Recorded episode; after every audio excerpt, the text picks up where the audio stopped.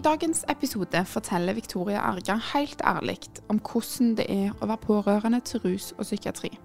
Hun deler òg litt fra egne erfaringer i et rusmiljø som ungdom. Hvordan har dette påvirka livet til Victoria? Hei, Victoria. Hei. Hvem er du? Ja, det store spørsmålet. det vanskeligste spørsmålet. Jeg heter Victoria Erga.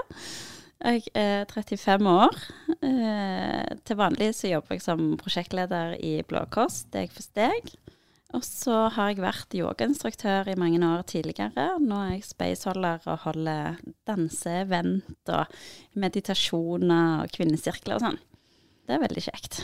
Det høres veldig spennende ut. Ja. Og jeg var jo og besøkte, besøkte dere for litt siden. Mm. Og da fortalte du meg um, at dette med selvrealisering og det å jobbe for å på en måte utvikle seg sjøl, det har Mm. hjulpet veldig i din rolle som pårørende. Mm. Og vet at du har valgt å ikke fortelle hvem du er pårørende til, og det er helt Mhm. greit. Um, men jeg lurer litt på om du kan fortelle meg om omstendighetene rundt det å være eh, pårørende. Hva betyr det, f.eks.? Ja, altså det, det å være pårørende, det er jo noe som en ikke velger sjøl. Så det er jo noe som en bare må forholde seg til. Eh, og så kan jeg jo si det at eh, jeg har eh, pårørenderelasjonen til flere eh, forskjellige, så det er forskjellige typer relasjoner, og eh, det har betydd forskjellig for meg opp igjennom den rollen da, som pårørende. Eh, jeg har òg vært på den andre sida, der jeg har hatt utfordringer sjøl. Så jeg har hatt andre som har vært pårørende rundt meg, så det er jo litt sånn omfattende tematikk. Og så tenker jeg at det, det er et tema som kanskje ikke er så eh, mye åpenhet rundt når det kommer til dette som handler om rus og psykisk helse. Det er kanskje lettere å være pårørende Ikke lettere å være pårørende, men lettere å være åpen om å være pårørende til andre somatiske sykdommer. Mens når det kommer til rus og psykisk helse, så er det gjerne en sånn ekstra dimensjon da, av skam og mye meninger eh, fra andre folk som en må håndtere i tillegg da, til det en står i i hverdagen. Hva tror du det kommer av at, eh, at det er et ekstra, en ekstra dimensjon til det å være pårørende til rus og psykiatri? Eh, kanskje så har vi folk veldig behov for å se årsakssammenhenger. Og plassere ting i bokser og eh, stemple. At vi kan være dømmende. Eh, og det kan jeg være sjøl òg. Jeg tror det er helt naturlig og helt menneskelig. Eh, og så har vi jo gjerne ofte meninger om ting. Og eh, når, når det er en del stigma knytta til temaet, så tror jeg det er fort gjort at en lager seg sine egne historier om ting, da. Og kanskje ikke alt er like gjennomtenkt av det en sier ut høyt, da. Jeg ble jo litt nysgjerrig på, på om, du, om du har vært pårørende i mange år, eller om dette er noe som har skjedd, altså om det er noe nytt. Ja, jeg har vært pårørende eh, i hele mitt liv, men i forskjellige relasjoner, da. Vet du om dette påvirka ungdomstida di, f.eks.? Eh, ja, men eh, kanskje ikke så mye da, faktisk. Nei. Mer i voksen alder, eh, faktisk. Ja, for det følte jeg kanskje var litt uh, uventa. Mm. For jeg tror kanskje at det er Eller jeg som står utenfor, ville kanskje tenkt at det var enda verre. Det er vanskelig nok å være ungdom i seg sjøl. Ja, jeg var ikke så reflektert ungdom, Nei. så det, det var ikke så mye jeg forholdt meg til, egentlig. Så deilig. Da, da tok jeg det så det kom. Jeg var veldig spontan og var ikke reflektert i det hele over det. Og eh, jeg begynte jo å eksperimentere med rus i en alder av 13 år, og var veldig sånn eh, ute der. Ja. Så det var ikke så mye jeg forholdt meg til egentlig i Nei, det var ikke tida. så nøye, det. Nei, og at jeg havna i det miljøet, det var faktisk helt tilfeldig. Mm. Jeg var nysgjerrig og spontane og veldig lite reflekterte. Mm. Ja. Men når du startet å eksperimentere med rus som 13-åring, eh, var det noe som varte i, i mange år, eller? Det varte frem fram til jeg var 18. Ja. Ja. Og så bare slutta du? Ja, jeg ble gravid, og da fikk jeg en grunn for å slutte. Mm. Ja, og ble villig til å gjøre eh, alle de anbefalingene jeg hadde fått tidligere. For jeg hadde fått mange gode råd og anbefalinger og prøvd det meste. mange som ønsket at jeg skulle få en annen livsstil. Eh, men jeg hadde ikke den der indre driven og lysten til å ville gjøre en endring. Men det fikk jeg da, så da ble jeg villig til å gjøre hva som helst. Tror du at du hadde fortsatt hvis du ikke hadde blitt gravid? Ja, det er jeg ganske sikker på. Jeg vet en ikke kan forutse ting, men jeg er helt sikker på det. Mm. Sånn som du sier nå, så har du jo to roller i dette. Du har Mm. hatt pårørende, Mm. så har du vært pårørende. Mm. Er det noe som er lettere enn den andre? Ja, det er mye lettere å være den syke.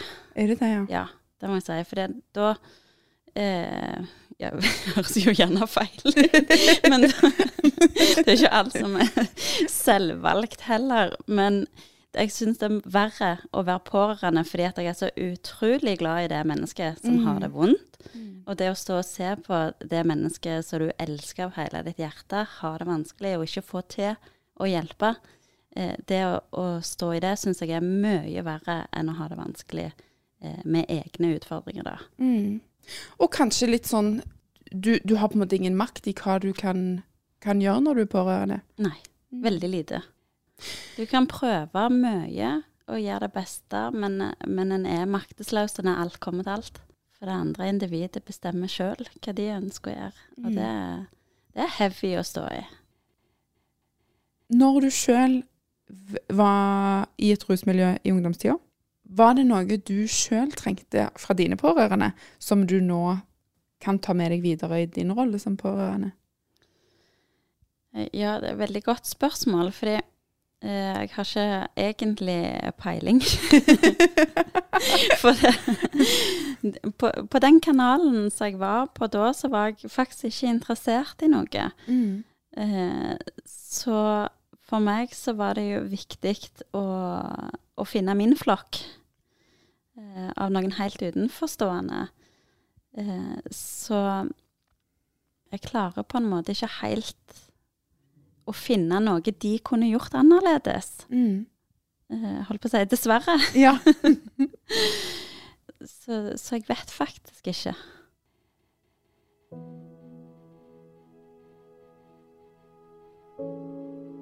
Du sa at eh, eh, som ungdom så, så var det ikke så nøye for deg å være pårørende. Du tenkte ikke så mye over det.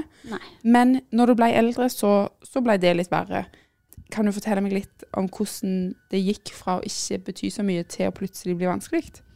Ja, jeg tror vel mer det som eh, gjorde at det, ting ble vanskeligere for meg, var jo det at jeg plutselig måtte begynne å forholde meg til ting Mm. eh, når jeg slutta å ruse meg og skulle begynne å skape meg mitt eget liv, så måtte jeg jo begynne å kjenne etter.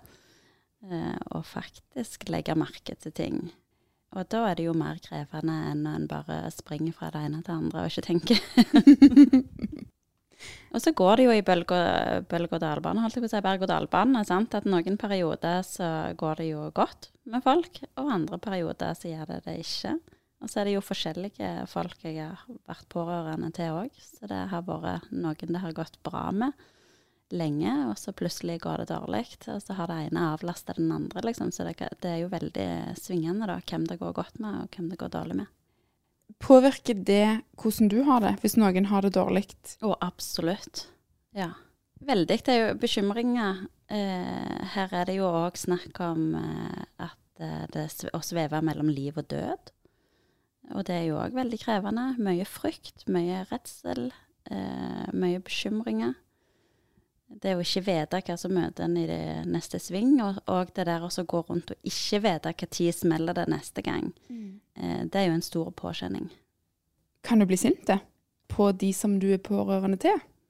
Ja, men det eh, er lenge siden. Ja. Hva kommer det av, tror du? Det er mer eh, Jeg tror det er mye, mye bearbeiding. Eh, mye meditasjon. mye turer, mye bål. Det er naturen, altså. ja, Mm. virkelig. Eh, så det, det sinnet, det, det er ikke der lenger. Mm. Det er sorg. Mm. Ja. Ja, og grunnen til at jeg spør, er jo at jeg føler at det er en helt sånn naturlig reaksjon. Mm. Eh, for du har jo sånn som du sa, blitt, blitt satt i en litt sånn ufrivillig rolle, på en måte. ja. Og så er det jo ikke deres feil jeg vet jo hvordan det er òg. Ja. Så jeg tror kanskje at det Men en kunne jo ønske av og til at en hadde det bare hjulpet å riste de og bare sagt ta de sammen, så hadde det vært herlig. ja. Men sånn er det jo ikke.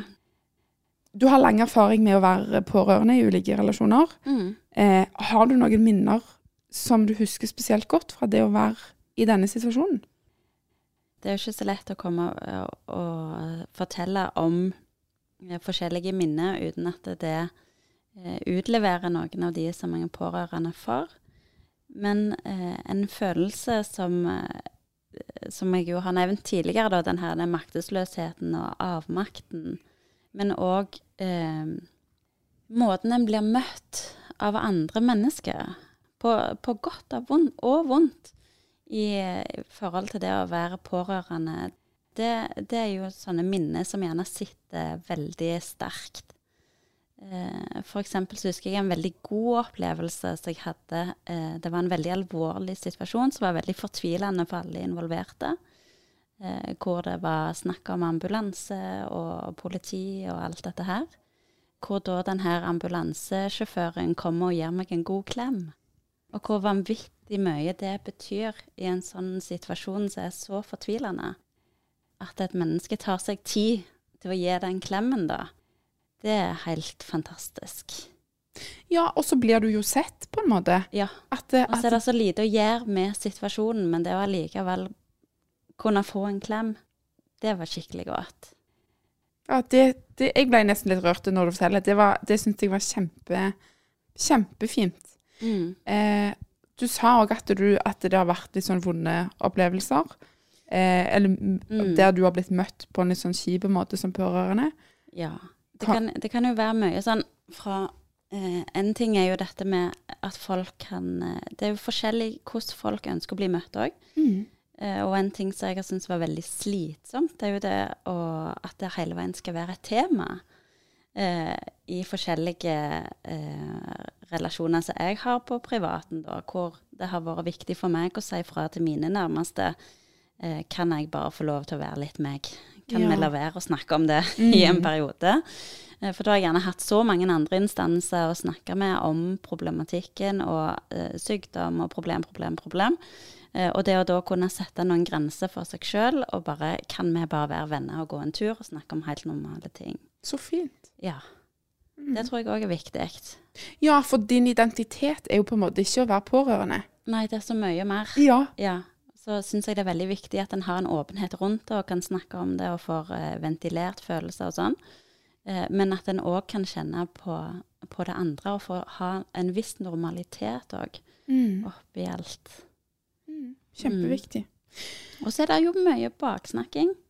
Spesielt eh, når det er snakk om små forhold. Eh, bor jo, nå bor jeg på Nærbø, tidligere har jeg bodd på Bryne. Mm. Eh, og en får jo høre En får alltid høre bygdeslatere igjen. Det kommer alltid tilbake til de det gjelder. Ja. Eh, og det er jo en dimensjon som er veldig vond, da. Mm. Og veldig vanskelig eh, å høre hvordan andre snakker om eh, en sjøl og de en er glad i. Mm. Eh, Så det syns jeg òg er et sånn viktig tema å være bevisste på, da, hvordan en snakker om andre folk. Mm. Kan du fortelle meg litt mer om dette bygdesladderet? At det er kanskje en dimensjon fordi at eh, rus og psykiatri er litt mer tabubelagt? Ja, og kriminalitet. Og, og Kan- det, en har jo Ja. Sånn, ja. Takk. Sånn. Mm. En har jo ofte eh, Det er jo lov å ha meninger òg. Eh, sant? Så det er jo vanskelig. Ja. Det må jeg forstår òg. Eh, og jeg forstår det veldig godt at det blir snakk. Mm. Eh, men så er det kanskje eh, viktig å, å tenke litt på hvordan hvordan en snakker, og, og hvorfor en snakker på den måten en gjør da. Av og til så tror jeg òg at det er veldig enkelt å havne i den tralten uten å tenke seg om. Mm. Når en er sammen med andre folk, så er det veldig lett å snakke om de store tragediene som har skjedd Mm. en plass. Eh, det er enkle samtaleevne. Det er lett å hive seg på, liksom. Veldig lett. Mm. Ja. Når du hører sånn bygdesladder, for eksempel, Mm. hvis vi skal, hvis vi skal kalle det det, Mm. em, får du noen gang lyst å, å stå opp for deg sjøl, eller stå opp for andre? Det er veldig sånn tosidig, for det Av og til så kunne en jo kanskje bare tenkt seg å uh, kommet til bunns i det og snakket med folk og prøvd og gjort seg forstått eller et eller annet sånt. Men, men jeg har liksom ikke noe Jeg ønsker ikke å bruke energien på det. Det er nok av andre ting å bruke energien på. Så hvis folk vil eh, mener eller synser det de mener og synser, Mm. så må de nesten bare gjøre det. Mm. Men jeg blir påvirka. Ja, for det preller ikke av. Nei, det preller ikke av. Nei. På, på sett og vis så preller det av i forhold til eh, å være trygg i seg sjøl. Jeg vil fortsatt leve mitt liv eh, på min måte Mm. og gjøre ting som er godt for meg. Men, det, eh, men jeg er jo ikke følelsesløs. og er ikke så sterk Nei. at drittsnakking og meninger ikke går inn på meg. Men jeg kan ikke la det styre livet mitt. Nei, det er sant. Ja. Det høres ut som en veldig sånn fin og sunn måte å, å håndtere det på. For det er jo sånn som Mm. du sier, igjen, dette er noe som er utenfor for din kontroll. Ja. Og hva folk sier, på en måte. Og så er det viktig for meg òg å kunne trekke meg tilbake og ha et eget liv. Mm. Eh, og at jeg har mine eh, trygge, gode relasjoner der jeg kan være åpen og ærlig og sårbar, da. Det er jo veldig sårbart. Er det mange du snakker helt åpent og ærlig med, eller er det noe du sparer til eh, et par nøye utvalgte? Nøye utvalgt. Ja. Ja. ja. Men jeg er òg åpen på et generelt eh, plan. Det er jeg. Men eksempel nå så er du åpen Ja. om dette til en viss grad. Mm. Og, og, og, og som du har sagt òg, så er det jo ikke alle som syns at det er viktig å snakke om sånn sett. Mm. Og det kan godt hende at du får litt sånn negative tilbakemeldinger fra dette, eller litt sånn Ja. bygdesnakk eller noe sånt. Absolutt. Hvorfor vil du fremdeles snakke om det? Fordi at jeg ønsker meg et mer inkluderende og åpent samfunn. Jeg tror det er kjempeviktig. Eh, og jeg har òg, eh, gjennom å ha levd dette livet og gjennom jobben min, så er jeg veldig klar over at dette er ikke noe som rammer bare meg. Jeg vet at det er så uendelig mange som står i lignende situasjoner og like, situa like situasjoner. Eh, og det eh, at noen skal gå rundt og tro at de er de eneste i hele verden som sliter med dette, og at de er ensomme, det har jeg lyst til å være med og motvirke. For det er mulig å leve et godt liv selv om ting kan være vanskelig, og at livet ikke alltid går sånn som vi hadde håpet. Så er det mulig å ha det greit allikevel. Hvordan har dette påvirka livet ditt? Eh, Det har påvirka meg på, på alle mulige måter. Eh, Det har vært med å forme meg eh, til å være den personen jeg er i dag. Jeg tror jeg er mye mer ydmyk i dag eh, på grunn av alle disse erfaringene. Eh, og før så kunne jeg faktisk være ganske sånn eh, ensporig i forhold til Ja, men det er bare å gjøre sånn og sånn, eller bare gjøre sånn og sånn. Jeg har òg tenkt de tankene, Mm. og hørt liksom sannhetene og, og sånt. Men jeg er blitt ekstremt ydmyk i forhold til at jeg ikke har fasiten på, på noen andre sitt liv.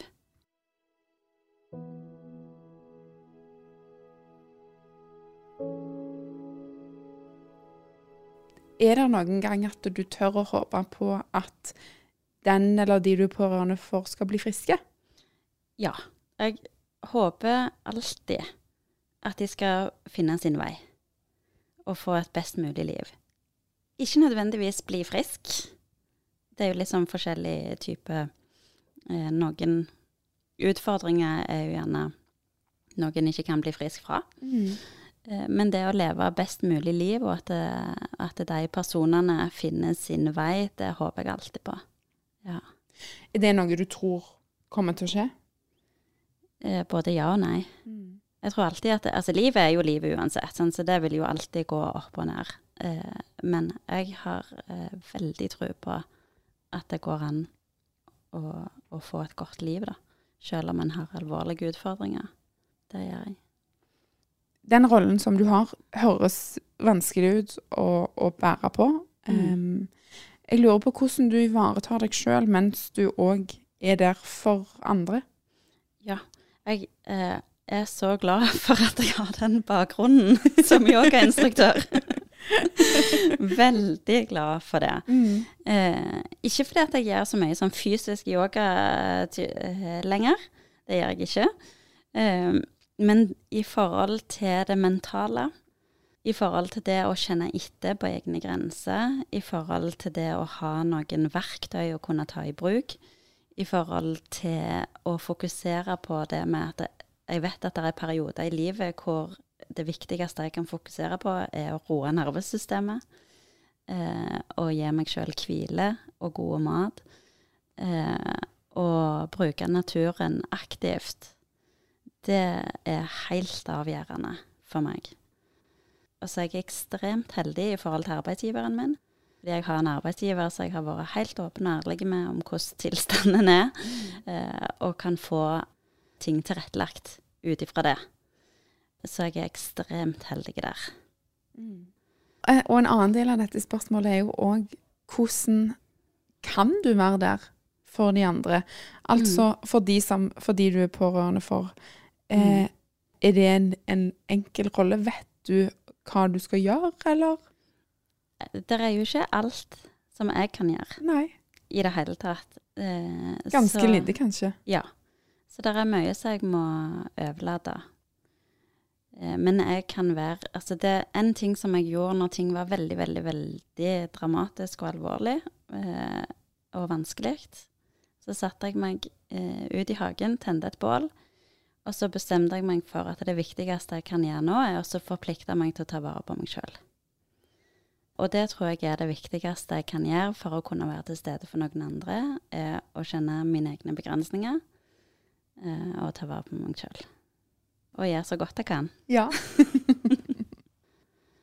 Som du sa, Victoria, så er det jo veldig mange andre i din uh, situasjon. Mm. Har du noen tips til andre som syns at det å være den pårørende er, er vanskelig?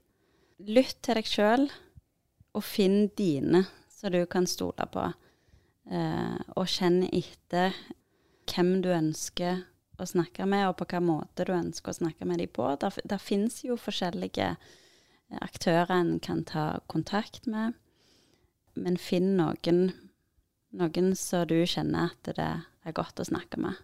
Altså, det er så utrolig individuelt hva en trenger å ha behov for, men sett grenser for deg sjøl og ta vare på deg sjøl. Så er det lov å grine, og så er ikke alle dager like gode. Og de må òg være like velkomne de dagene som er vanskelige, som de dagene som er gode. Det er mange òg som, som, ikke vet hvordan det er å stå som nærmeste pårørende. Mm. Hva skulle du ønske at de som ikke vet hvordan det er å være pårørende, visste? Eh, spør folk om de ønsker råd eller ikke. Får du mye råd som servert? Ja. ja. Hva da, for eksempel? nei, nei, all slags. Det er sånn I beste mening så er det alltid noen råd. Har du prøvd det? Har du prøvd ja. det? Har du prøvd det? Mm. Har de prøvd det? Kan de gjøre sånn? Kan de gjøre sånn? Og så har en gjerne prøvd en million av ting. Mm. Forstår det i beste mening. Litt slitsomt, kanskje. Det kan bli litt mye råd. Ja, ja. det kan det. Jeg tror det er kjempebra, sånn som du sier, at du har noen du kan snakke med. Er det sånn at du deler alt til én, eller har du flere som du deler litt til? Noen få. Noen få? Ja. Ei håndfull ja. med noen jeg stoler på, der alt kan bli sagt. Ja. Mm. Eh, hva gjør at du stoler på, på de? Eh, det er bare Jeg vet ikke om jeg stoler på det, jeg stoler ikke på noen. Men det føles godt å snakke med dem. Så jeg velger å snakke med dem. Ja. Jeg får, det, det, ja. jeg får liksom får ventilert ut mine egne ting, og så får jeg noen perspektiver. Så er det forskjellige typer perspektiv jeg får mm. av de forskjellige folka. Eh, og det er noe som jeg ønsker å ha i livet. Jeg stoler ikke på noen. Nei. Nei. Hvorfor ikke?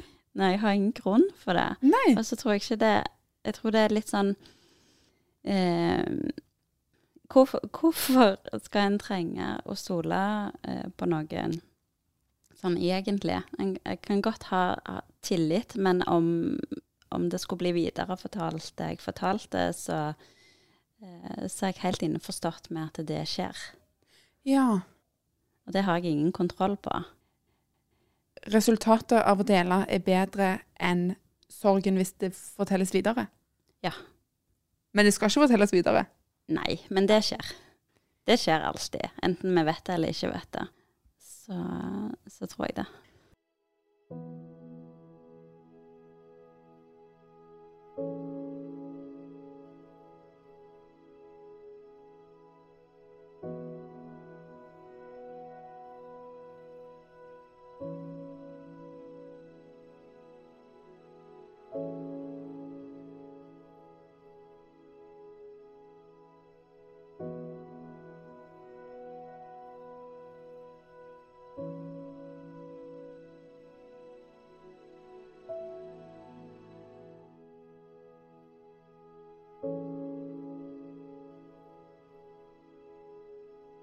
Har du et enkeltpersonforetak eller en liten bedrift?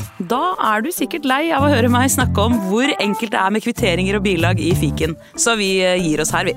Fordi vi liker enkelt. Fiken superenkelt regnskap.